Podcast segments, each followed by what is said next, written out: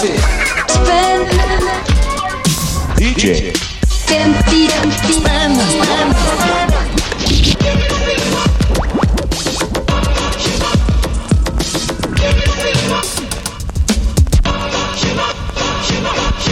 Japp, det är DJ 50 spänn igen. Vi har en gäst som vanligt som har varit och eh, köpt eh, begagnad billig vinyl. Anna-Charlotta Gunnarsson. Hej! Hej! Hörru du, jag satt och funderade på hur, vilken ände jag ska börja med när jag introducerar dig. Känd från eh, På spåret, Pop och politik, Ja. eh, helt överjävlig på musikquiz. Ja, det vet jag inte. Det är du väl? Ja, det beror på vem jag möter. Jo, jo, men du brukar vara ett av topplagen i det här inofficiella introleks-SM varje år, eller Det har blivit bättre. Förr när det bara var så här, eh, beigehyad man med eh, eh, gitarr och det var så här fimpig rock, Todd Rundgren och sånt, då var jag inte i topp. Nu så börjar det Ja. arta sig. Ja. Okej, fint. Eh, författare? Ja. Ja. Musikgalning? ja, absolut. Totalt i själ och hjärta. Ja, men det är lite därför du är eh, här. Det är ju så här att jag var lite luddig när jag skickade ut liksom briefen eller spesen till det här. Så att eh, om vi ska köra den här full disclosure så kanske inte slutsumman hamnade på riktigt 50 spänn den här gången. Nej, det blev lite dyrare. Men eh, jag hade också kunnat tänka så här, även om inte du hade gett mig reglerna. alltså, Vänta, vad, vad hette nu den här podcasten? Vänta, vad kan 50 spänn stå för? Ja. Men eh, ja, det blev lite dyrare. Eh, de är i väldigt fint skick faktiskt, flera Ja, av de här skivorna. Så att, ja. eh, men jag är fruktansvärt nöjd. Det är härligt. Och alla skivorna är ju faktiskt eh, från, eh, alltså de är begagnade. Det är second hand-skivor. Oh ja, Eller vintage-skivor kanske det heter nu för tiden. Jag vet inte. Eh, jag tänker att de, de sorgliga nördar som lyssnar på det här, de har hört så många avsnitt nu så jag behöver inte dra riktigt reglerna här. Utan tänker vi gå på vår första kategori på en gång. Nostalgiköpet. Alltså en eh, skiva som du eh, har ägt tidigare i alla fall, har en relation till. japp. Utan att säga exakt vad det är, vad ska vi ta med oss när vi drar igång den här nu? Ehm, ta med er att jag ehm, fortfarande äger eh, originalskivan. Det här är då en bildskiva med några låtar på. Och ehm, att jag hörde den här när jag bodde i Lysekil och eh, i princip körde den här låten varje dag eh, i många år eh, när jag kom hem från skolan. Vadå, den här låten har varit ditt soundtrack? Ja, den var, ja, jag tyckte den var så fruktansvärt bra. Och det här är inte en av artistens kändare låtar, men ja, jag vet inte. Jag bara älskar den.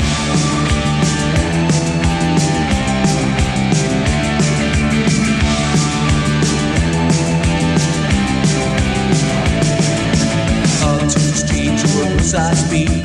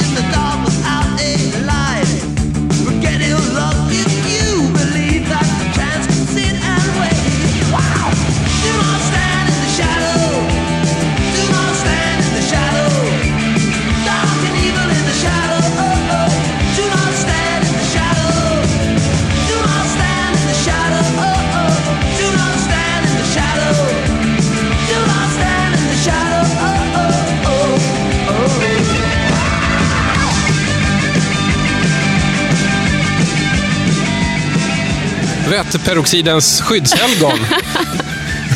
Eller berätta vad vi hörde. Ja, det var ju Billy Idol med Do Not Stand In The Shadow. Oj, oj, oj. Fy fan vad bra det här är. Och den här har du alltså hittat på, på en, en bildskiva, alltså en bildtolva eller vad man säger. Precis så. Den är väldigt snygg. Ja, men, Sidan som ligger uppe nu är ju Det känns som att det är laser, läder och blonderat hår. Mm, exakt i den ordningen faktiskt. Ja, men den är skitsnygg. Han, alltså, han, han visste ju att han var snygg också. Det hängde ju lite ihop det där. Alltså, han var ju gammal punkare och så. Här, här är han ju inte riktigt punk längre. Han är ju någon slags, eh, jag vet inte vad, syntpunkare. Ja. Eh, som spelar väldigt mycket just på utseende tycker jag. Mm. Sen så försökte han vara lite fräck fortfarande genom att ofta spotta sig i handflatan och gnugga in det. Liksom, Ja, i precis. Jag- Peters popshow och sådana där program. Ja, just det. Jag, jag minns honom väldigt mycket från, från tidig eh, musikvideo-era. Att Mm. det, var, det var alltid i någon slags Mad Max-värld, känns det. som, som det utspelade sig. Att hans, hans läderoutfits var ju jäkligt hårda. Alltså. Ja. Mycket så spindelnät och motorcyklar och sånt som ingick i det här Ja, ja men, exakt. Och då, då funkar det. Så han har också någon grej, ser man kanske inte riktigt här, men det känns, han, hade- hade inte han ändå den här perfekta, liksom, lite så här uppdragna överläppen? Hade han? Jo, det var, han var den. Han var den, ja, okej. Men Många tror att det var Brian Connolly, men det var, det var Billy Idol.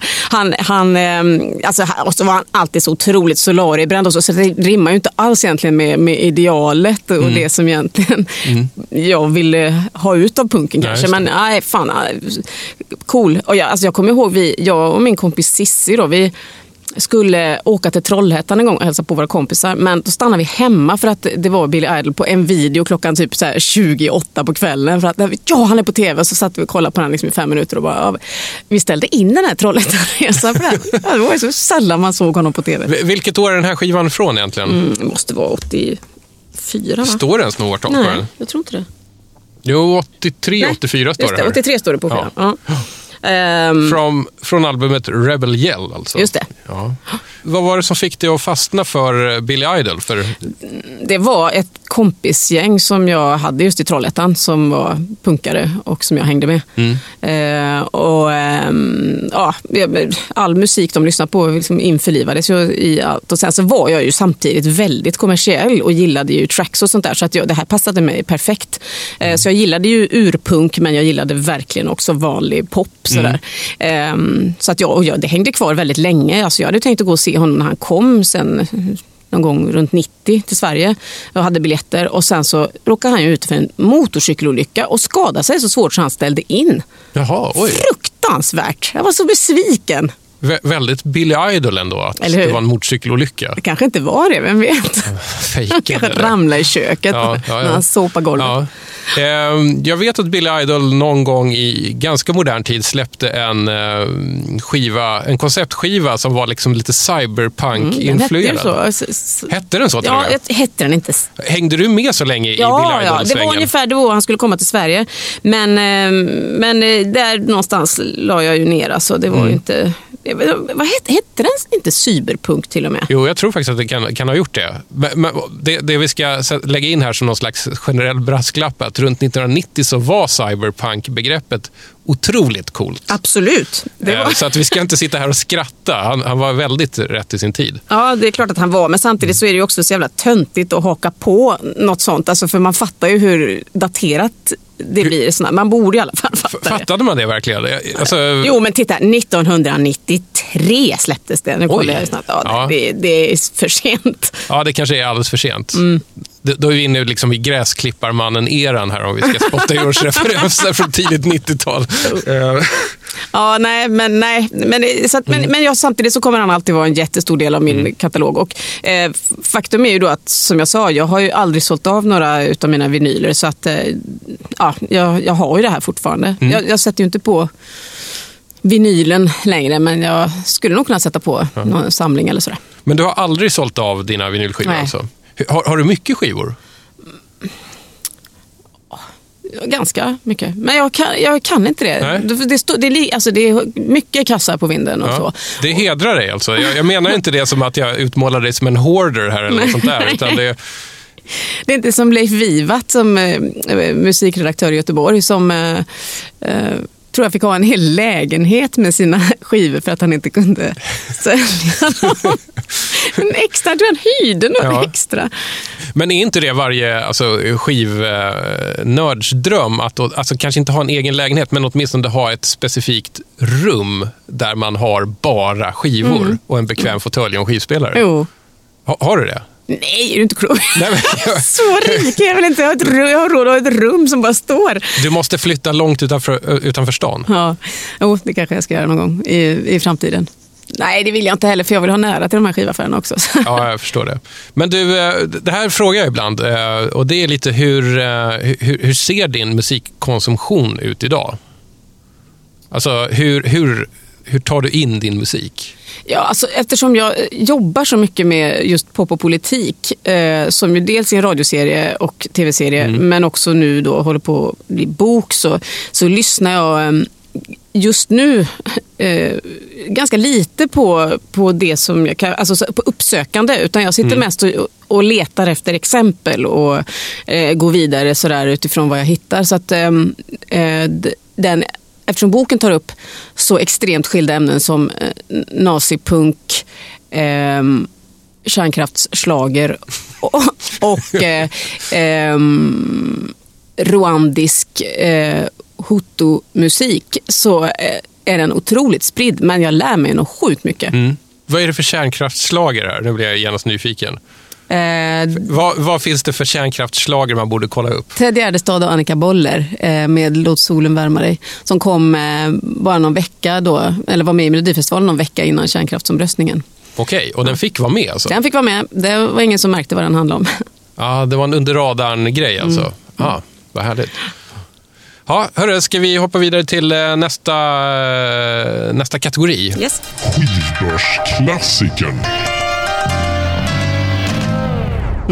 Det här eh, blir ett kärt återhörande. Alltså, det är, jag tror att den här artisten har nog redan varit med två gånger i podcasten. Oj. Så det, är, det är verkligen certifierad eh, skivbörsklassiker.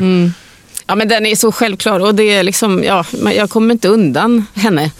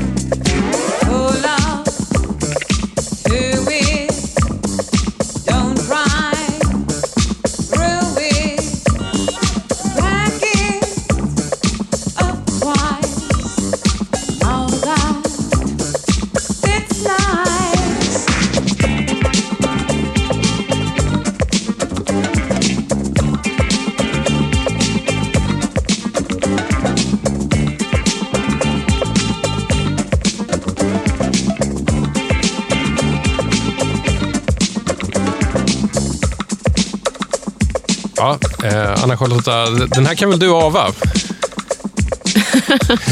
Pull up to the bumper med Grace Jones där. Precis, från eh, det väldigt vanligt förekommande nightclubbing-albumet. Ja, det är snyggt också. Ja, det är fruktansvärt snyggt. Vilket år är det här? Det är 1980, va? Mm, jag tror Eller det. 81 kanske. Jag borde veta det, för exakt den här skivan var med i första avsnittet av DJ 50 spänn. Då hade Ike Johannesson valt den som bästa skiva. Och Sen har ju Grace Jones dykt upp eh, i ett annat avsnitt också, fast då Warm Leathered-plattan. Så att loppisklassiker, check. Absolut. 81 står det. Ja, nej, men den är ju, alltså, ja, jag kommer aldrig ifrån henne riktigt. Jag tycker hon är så otroligt central för min egen utveckling på den vänster. Ja. Eh, Okej, allt- vad, vad har Grace Jones gett dig? Jag vet inte, mycket. Alltså, det, bara hennes eh, hela uppenbarelse, allt hon står för på något vänster. Eh, från det här när hon dök upp och alla sina konstiga videor och sånt där som bara var helt nyskapande. Och, eh, när hon var med i eh, eh, James Bond-filmen. Eh, fram till den här politiska albumet som kom för några år sedan om hela hennes släkt och kvinnorna och så här. Det, det, jag tycker hon är skit, viktig, och både textmässigt och musikmässigt. Måste bara anknyta här till, ett tidigare, till det tidigare avsnittet när den här skivan dök upp. Då eh, påminde sig Ike Johannesson om att hon hade läst ett nummer av Veckorevyn i början av 80-talet. Där det Mm. var ett bildreportage där Grace Jones och hennes brorsa stod nakna tryckta mot varandra. Har du sett den bilden? Känner jag igen. Mm. Okej. Det, är- okej, Det var ju ja. mycket med hennes kropp. Det var ju jävligt mycket nästan som man bara liksom, taggar ner. Ska man tänka idag.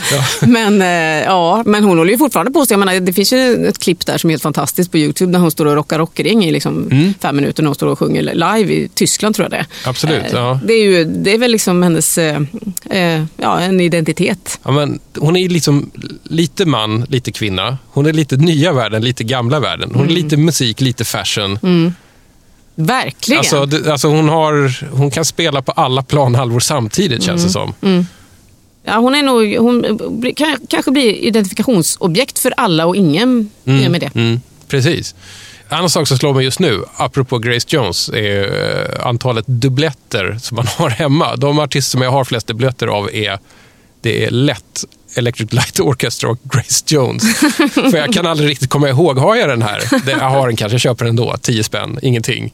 Och sen så har man liksom 5x av Nightclubbing och 5x av den här rymdskeppsskivan med Yellow. Gud vad roligt. Det, det skulle aldrig hända mig. Jag har faktiskt, jag har sån, jag har lite så här, kanske någon diagnos, men jag har full koll på det mesta faktiskt. Är det så? Du Ja. minns om du har skivorna eller Ja, inte? ja, ja. Och jag vet, ja det. Och jag vet oftast var jag har dem också. Såna grejer. Ja. Vi, det, vi behöver inte gå in på den, det är en obehaglig... Men jag vet också så här, i, program, om vi pratar om en låt så kan jag säga nej den var med i femte programmet ni- eh, 2009 och sådär. Alltså, mm, ja. En, en musikmässig Rain Man-artad Ja, grej där. ja, lite men, grann. det, men det är väldigt bra. Det är väldigt skönt om man gör För program. att, då kommer du, alltså, jag bara tänker så här att Åh, jag vill lyssna på den skivan så kan du bara blunda och ta den nästan. Det kan inte jag göra. Jag, Mm. Här, jag måste leta igenom några kubikmeter och sen hittar jag den till slut och då har jag tappat lusten. Äsch. Jag tänkte på det du sa om, om, också om eh, konsumtion av musik. Alltså fan, jag går ju på konserter så jag glömmer bort det. Jag, Mm. man får ju tips av folk hela tiden också. Så att så, så eh, jobbrelaterad är ju faktiskt inte min konsumtion. Och Man lyssnar på tips från kompisar och sånt hela tiden så jag tar tillbaka. Ja, vad skönt. Mm. Vad skönt att höra att, du, att du har ett, ett icke-professionellt förhållande till musik också. Ja, jag har det. Och sen så tycker jag faktiskt att det spelar roll att eh, mina barn är lite större nu. De klarar sig själva och kan sitta och fixa med saker och sånt där. Och då, då tycker jag att jag kommit tillbaka till den här lusten att gå ut och kolla på band och så. När, när de var yngre så orkade jag inte. Jag var för trött och man visste att man skulle upp och sådär. Nu känns det så här, fan vad skönt att gå ut och bara stå och hänga och inte liksom, tänka på hur jag ser ut imorgon eller luktar imorgon. Ja, ja. Å andra sidan, det är ingen som röker på konserter längre.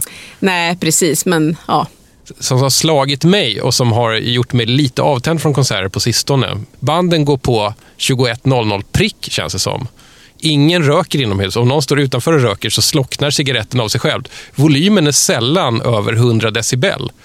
Det är liksom inte den mest rockiga och tidsåldrar vi eh, lever i just nu. det känns som man är tillbaka i så här snoddas-åldern eller någonting. Ja. Undrar vem som ska välta det omkull. Det är en utmaning för alla er som Mm. lyssnar. Vad ska vi köra för kategori nu? Vad sägs om... ehm, Random Access Vinyl.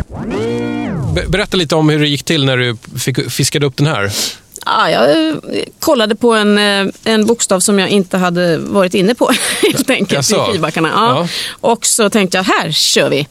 Eh, Och så fick jag upp den här och så tyckte jag att omslaget var helt fantastiskt. Ja, du Dels- måste nästan beskriva det. Ja, Alltså. alltså det, det är en kvinna och en man eh, som eh, sitter på en mur. Och eh, ser, kvinnan ser väldigt glad ut i sin vita klänning.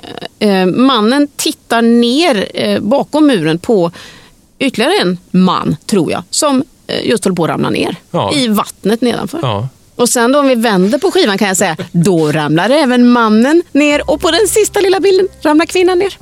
Ja, ja det, här blir, det här blir lyckat vad vi än får höra, känner jag.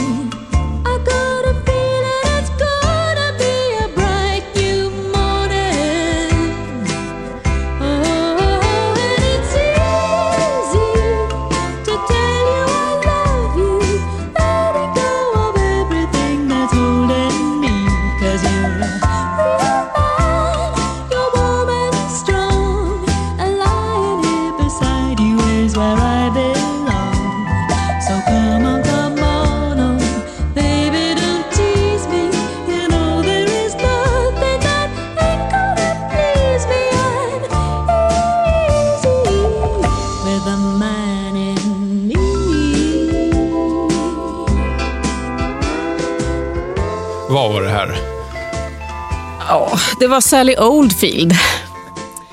Och ett, ett album som heter Easy och den här Ja. låten heter också Easy. Mm, jag är ledsen.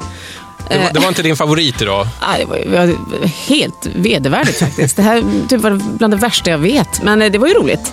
Eh, skivan, jag tyckte ju att omslaget faktiskt var så himla roligt för att det går i den här samma liksom, berättartradition som fanns där i slutet av 70-talet med, med liksom Tennessee och Ted Gärdestad och alla som skulle ha något lite så här, mm, ja, spännande liksom, Ja. som man skulle sitta och fundera över och titta på och En, tänka en liten efter kring. gåta. alltså. Ja, visst. Förstår du. Och att det också är lite så här, det är svårt att avgöra om det är studioplåtning eller om det är utomhus med ganska mycket ljus extra.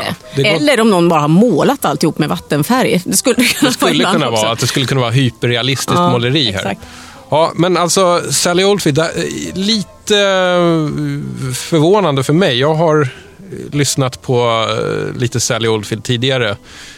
Hon har gjort bra mycket mer pretto-grejer än det här. Det här, här, här, låt, det här är ju liksom Easy listening goes Kate Bush. Ja, ja, något sätt. Ja, mm. Eller, ja. ja. nej, det, det, vill- det vill jag inte hålla med om faktiskt. Men, eh, ja, nej, men jag, jag har ju hört henne när hon sjöng på Mike Oldfields plattor och sådär. Och då tycker jag också att det låter liksom eh, bättre. Det här var ju bara något t- tra, lite tramsigt över det Mm. Ja. hela, kändes som. Vi, vi, eh, vi valde spår också lite. Så Det är här. sant. Att bara, vi satte ner nålen, vi tar titelspåret och så var det det här. Fast det borde ju vara något hon, var, hon är stolt över om hon nu valde den titeln kan man tänka Jo, sig. det tror jag nog.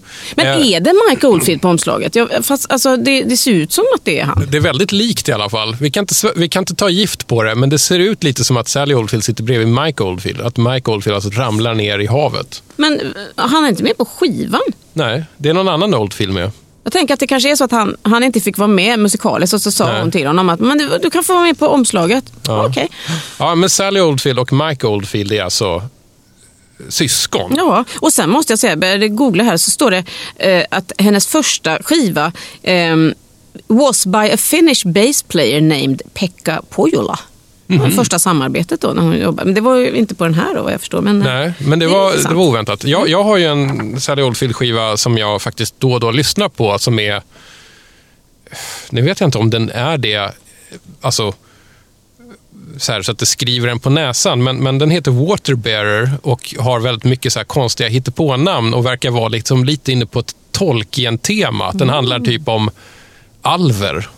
New Age kanske? Ja, väldigt nära new age, fast på det här lite sent 70-tals artade sättet att det känns som att man hela tiden springer på en pastoral äng. Alltså, Bombastiskt fast vackert. Liksom. Ja, precis. Alltså ganska, ganska lätt musik och, så, och att allting passar. Allting känns som att det är gjort efter att passa hennes sångröst väldigt mycket. Så det är ett lätt anslag i allting. Lite flytande och sådär. Alltså man skulle nästan vilja höra, bara, låter allt så? Kan vi inte bara... Ja, vi, kör, något vi, kör, vi, vi slumpar lite på. här. Ja. Alltså, så vi inte bara ger, hon, den kanske är skitbra den här skivan, så sitter vi och dissar den.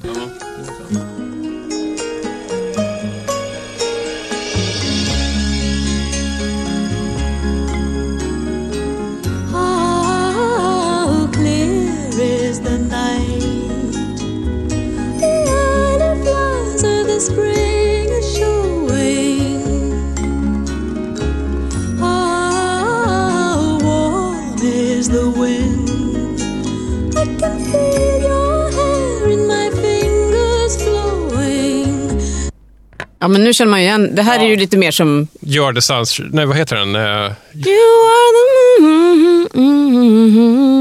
Men, Morning of my life. You are the warning of my life. Ja, den, Ja. Det här var finare. Mycket finare. Och eh, den skivan som jag just yrade om, Waterbearer, är också så här, fast kanske liksom lite mer mystisk Mm. ändå. Den kan jag rekommendera faktiskt. Om man, om man gillar musik med new age-vibbar och Tolkien-tema. Så.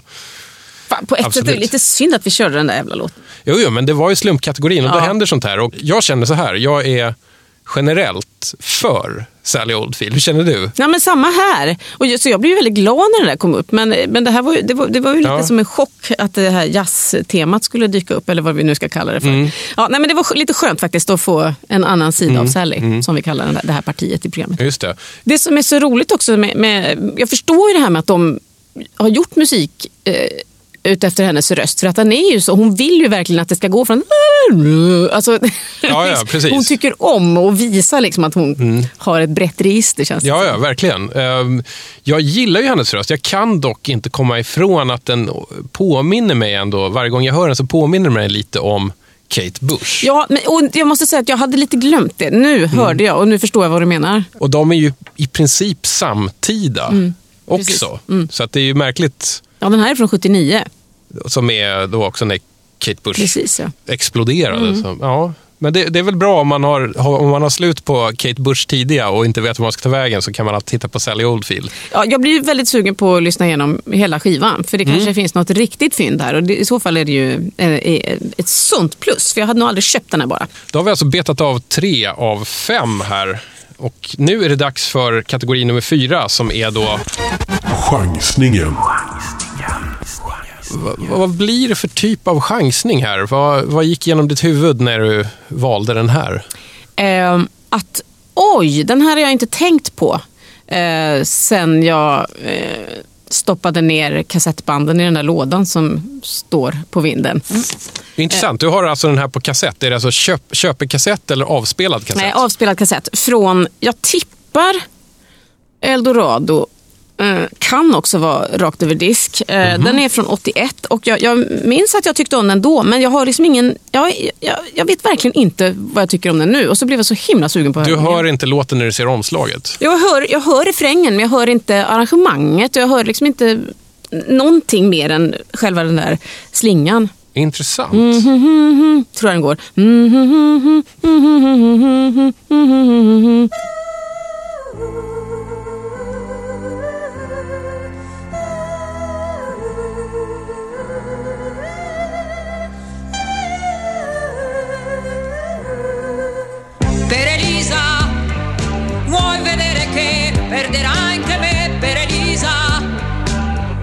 Sai più distinguere che giorno è.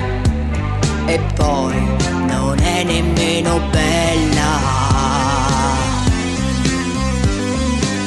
Per Elisa, paghi sempre tu e non ti lamenti. Per lei ti metti in coda per le spese. E il guaio è che non te ne accorgi. Con Elisa guardi le vetrine e non ti stanchi lei ti lascia e ti riprende come quando vuole lei. Riesce solo a farti male.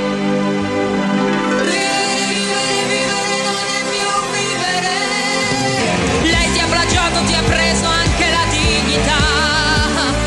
Fingere, fingere, fingere non sai più fingere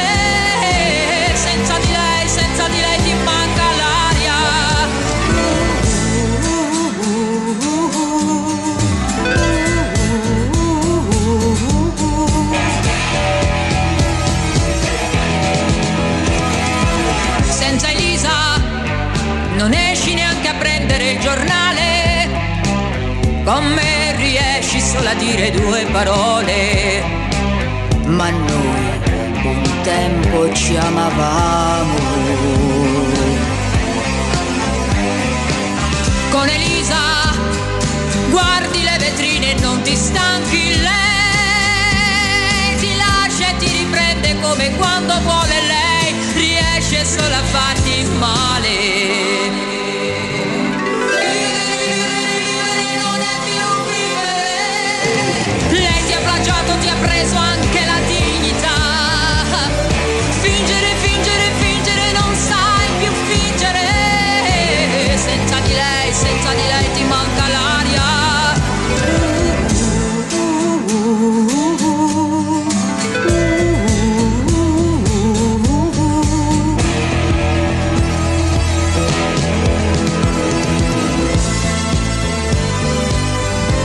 Alltså det var inte en siffra rätt på min melodi där. Nej, du, du såg väldigt förvånad ut när låten rullade igång. Det var inte riktigt vad du tänkte, eller hur? Nej, för jag insåg precis att jag blandade ihop den med eh, eh, ett, ett Eurovision Song Contest-bidrag som heter Per Lucia. Men när jag hörde den så var det ju klockrent direkt. Ja, just det, det är så här. Ah. Men gud vilken röst! Ja, men vad är det med, med Italien och de här riviga kvinnorösterna? Alltså det är helt absurt. Alltså, det är ju som Gianna Nannini och Loredana Berté och hon skulle stå där tillsammans. Man skulle liksom bara... Det Ja, ja. så här ångvält över sig. exakt, ja. Men, men Nu, alltså... nu, nu måste vi ava den här. Vad, var- vad hörde vi? Ja, eh, vi hörde Alice med Per Elisa. Och så fort jag hörde den så insåg jag att det här tror jag inte var från Rakt över disk utan det måste varit Eldorado. Ja, jo, men det känns ju mer Arlinge än Geijerstam.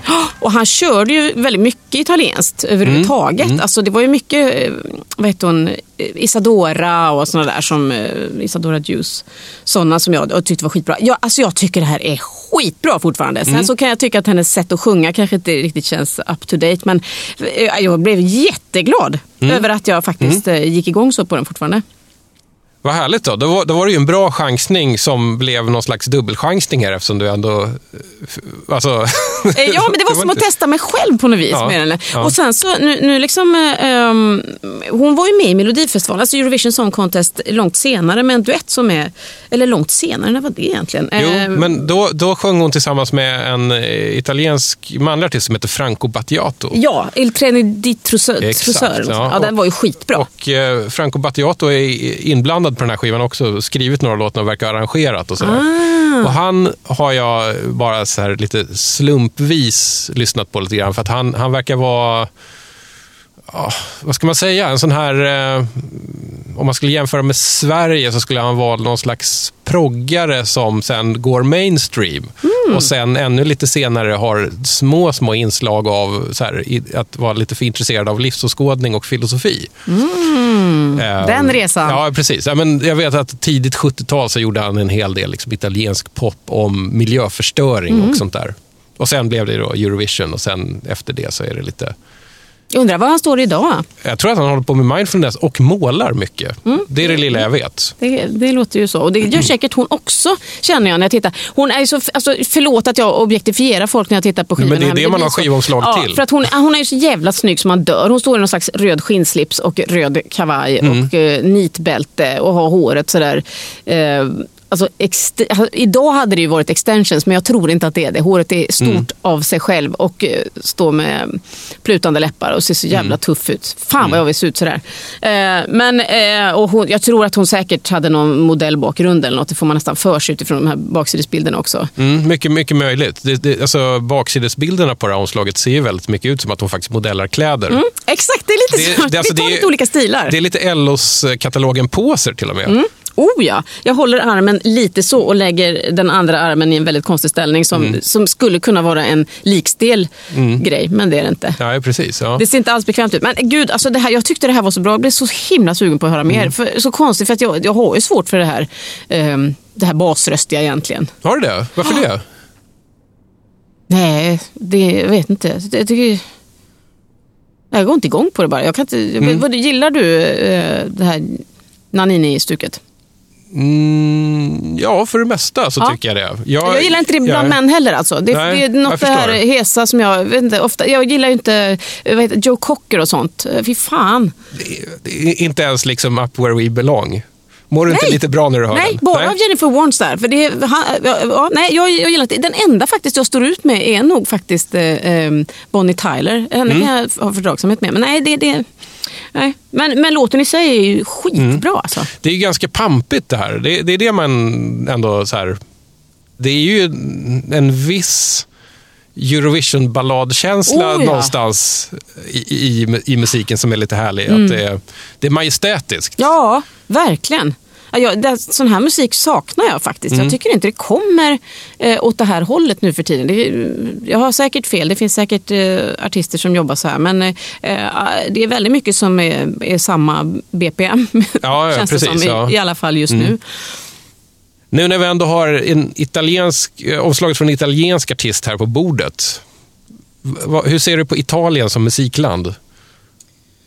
Ehm, ja, jag, Ja, jag har- ställer den här frågan varje gång det kommer upp en italiensk eller dansk skiva tror jag. Det är så här, jag frågar för att jag instinktivt ryggar tillbaks av it italiensk musik och sen har jag lärt mig att det finns bra grejer att hitta. Alltså det, för mig är det väldigt kopplat till Eurovision Song Contest. Jag är ju väldigt intresserad av eh, det. Inte på en sån nördnivå som... Alltså jag har kompisar som verkligen är nördar. Jag ska inte säga att jag är det. Men om jag jämför med, med folk så är jag Ja. nörd. Eh, och jag tycker att det har gjort så fruktansvärt mycket bra. Sen ballade de ju ur där eftersom de inte fick sända reklam och sådär eh, på 90-talet och slutade vara med. Nu har de ju kommit tillbaka och sådär. Så att eh, jag har ju väldigt... eh, Jag, jag har ett gott förhållande. Och sen så är det ju mycket sånt som jag inte... Alltså vad heter han? Eh, Eros Ramazzotti och, och Zucchero och sånt där som jag inte... Det är ju... De är ju väldigt olika. Men Zucchero är också det här lite... Ja, där har du ju raspet igen. Ja. Ja. Nej. Och sen en, en av de absolut bästa ehm, artisterna är ju han, Raf som ihop med Umberto Tozzi gjorde Gente di Mare. Ja, som också den, med. ja. Ja. Och ehm, han ligger ju bakom så här, massa andra hits. Mm. Jag tror han har gjort den här Gloria, om inte jag minns Mm, fel. Ehm, Gloria.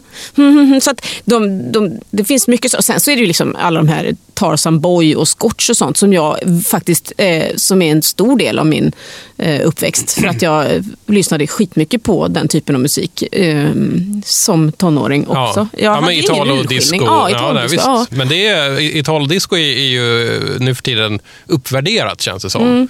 Och, Mm. Ja, men- ka- men- kanske till viss del. va? Jo, men alltså, vissa, vissa, alltså, det finns ju bra, saker som anses bra och saker som Mm. fnyses åt. Sådär. Men, men på det hela som ett liksom, fenomen och, och märklig undergenre så tycker jag nog ändå att det att, att, folk ändå talar ganska väl om det nu för tiden. Gör de det? Ja, jo, men jag tycker det. Oh, oh, oh. Fan, Kan- det där är en av mina favoritlåtar. alltså, säger, säger kan- med undantag för Baltimore då kanske. Ja, detta om Alice och Mm. hennes eh, hemland då, som hon tvingas då symbolisera här för oss. Vet inte, vi vet ju inte alls vad hon tycker om att liksom vara poster girl för Italien här, men eh, sjunger man på italienska så Men, vad roligt. Titta på baksidan här. av- av inneromslaget. Titta vad roligt. Text, alla texter står på tyska. Mm. Vad roligt. Det, det är liksom verkligen det här är så, också så tidstypiskt. Eine besondere Nacht. Det, det här är den tyska upplagan. Jag Jaha, har men köpt då EMI. Electrola. Så att...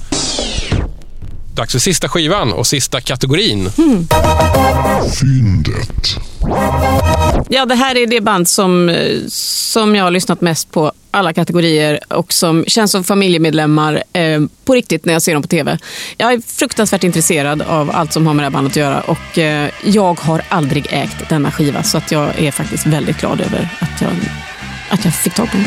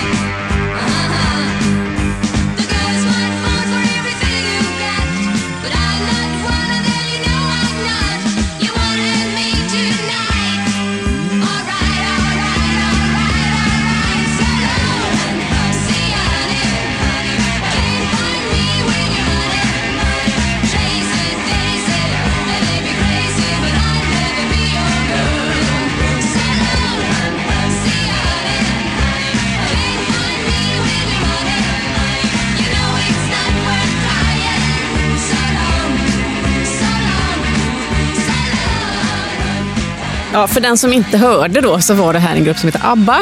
Eh, Svensk So popgrupp. Ja, svensk popgrupp, fyra medlemmar. Ja.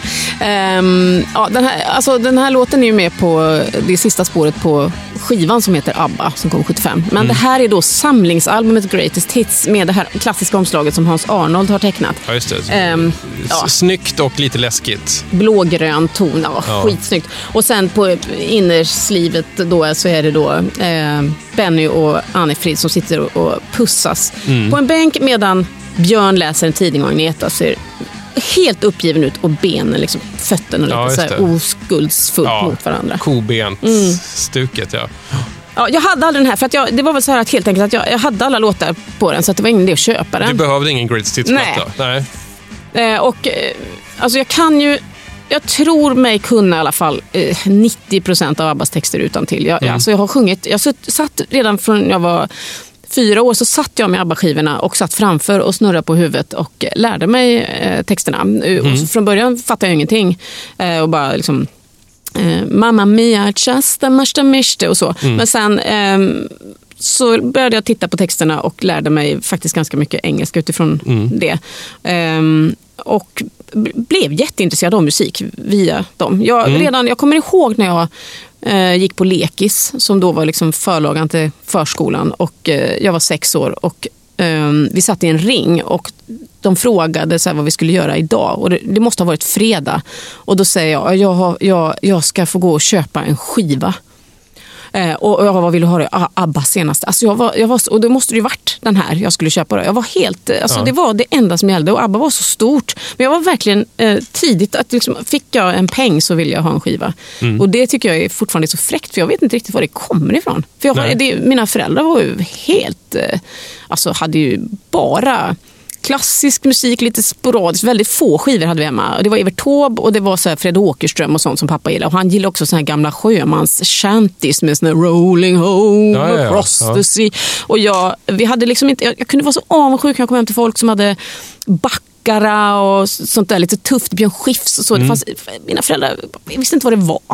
Är det så? så? Ja, så att jag har helt, helt vet inte, någon egen så här, eh, turné jag var ute på. Och så hade jag en storebrorsa som gillade Kiss och Sweet och så. Men Mm. eh, det blev inte min musik. Det, det var ändå bra att du valde en av de kanske inte så mest uppenbara ABBA-hitsen.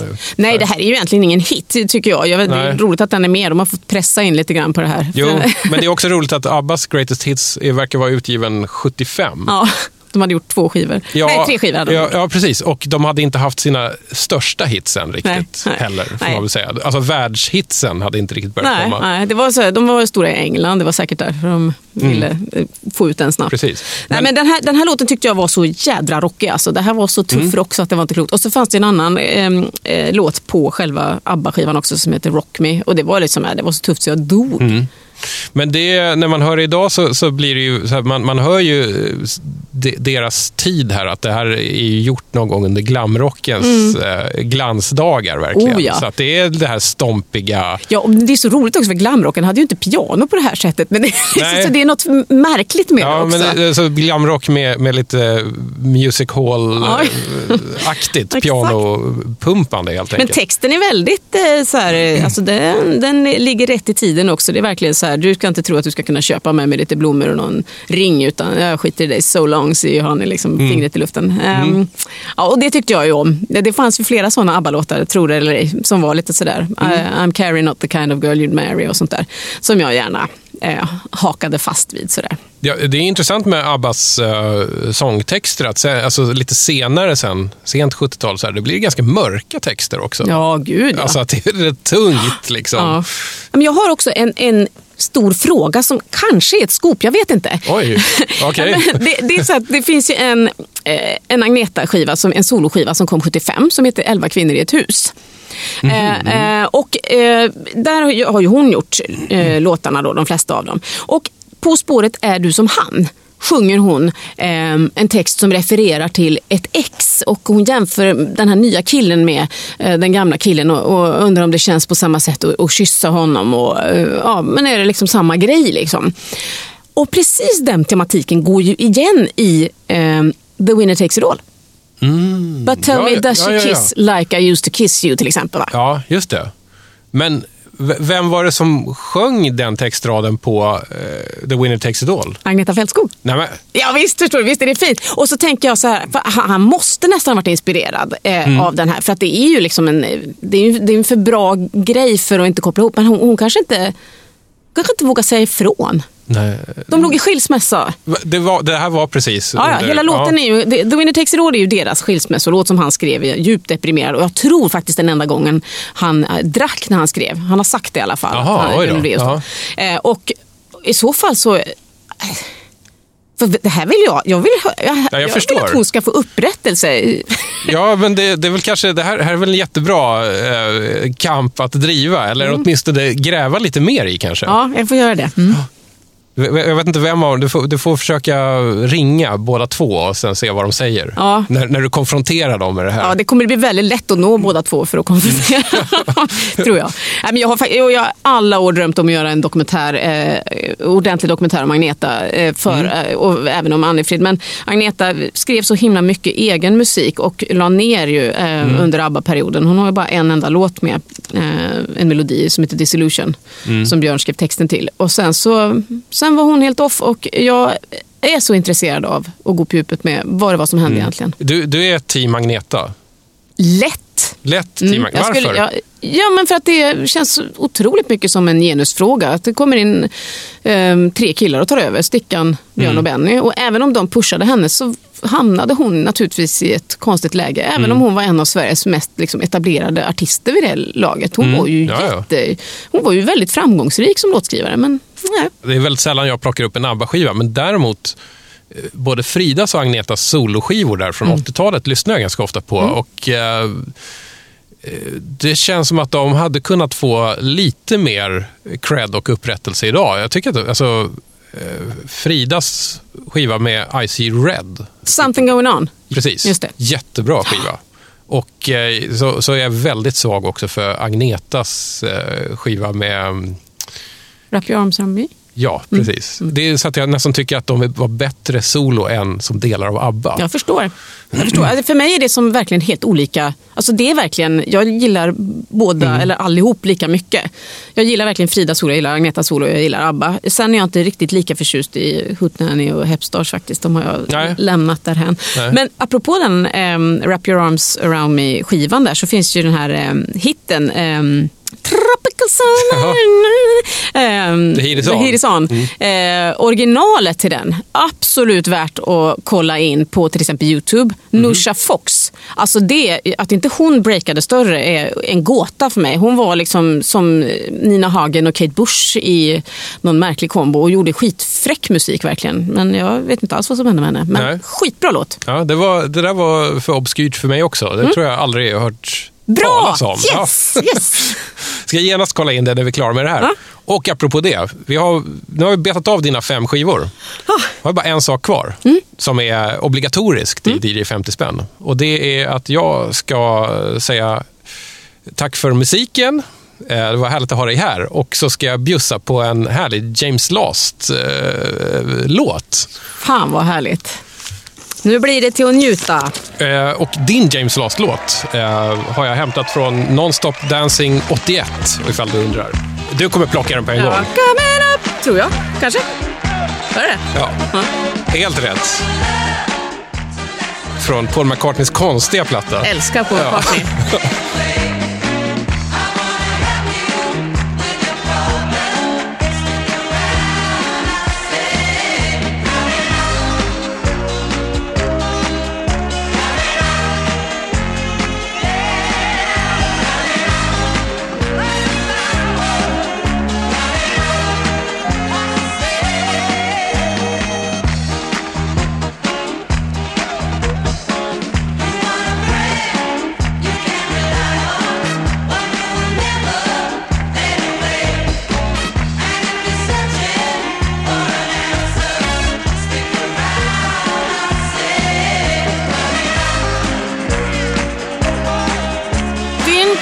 kulturgärning att Ja. göra covers också. Sen eh, ja, kan man ju se på hela produktionen kanske. Som, ja. Precis. Ja, det, det, men det är, det, min musikdokumentärdröm är ju att göra James Last-dokumentären. Och det är Brodis, han är jättegammal. Ah, men han lever. Ja, då, han bor i Florida, som Pelle Karlsson.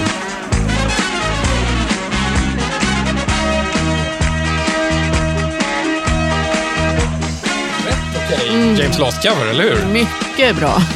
Tack för att du var med. Ja, tack och tack för den här. Ja, men jag är verkligen McCartney-fan, så det var ju Ja. väldigt roligt. Ett tips finns på Nonstop Dancing 81 alltså. inte omöjligt att du rycker upp den slumpmässigt Det är inte säkert att den ligger kvar på skivspelaren när jag har gått härifrån.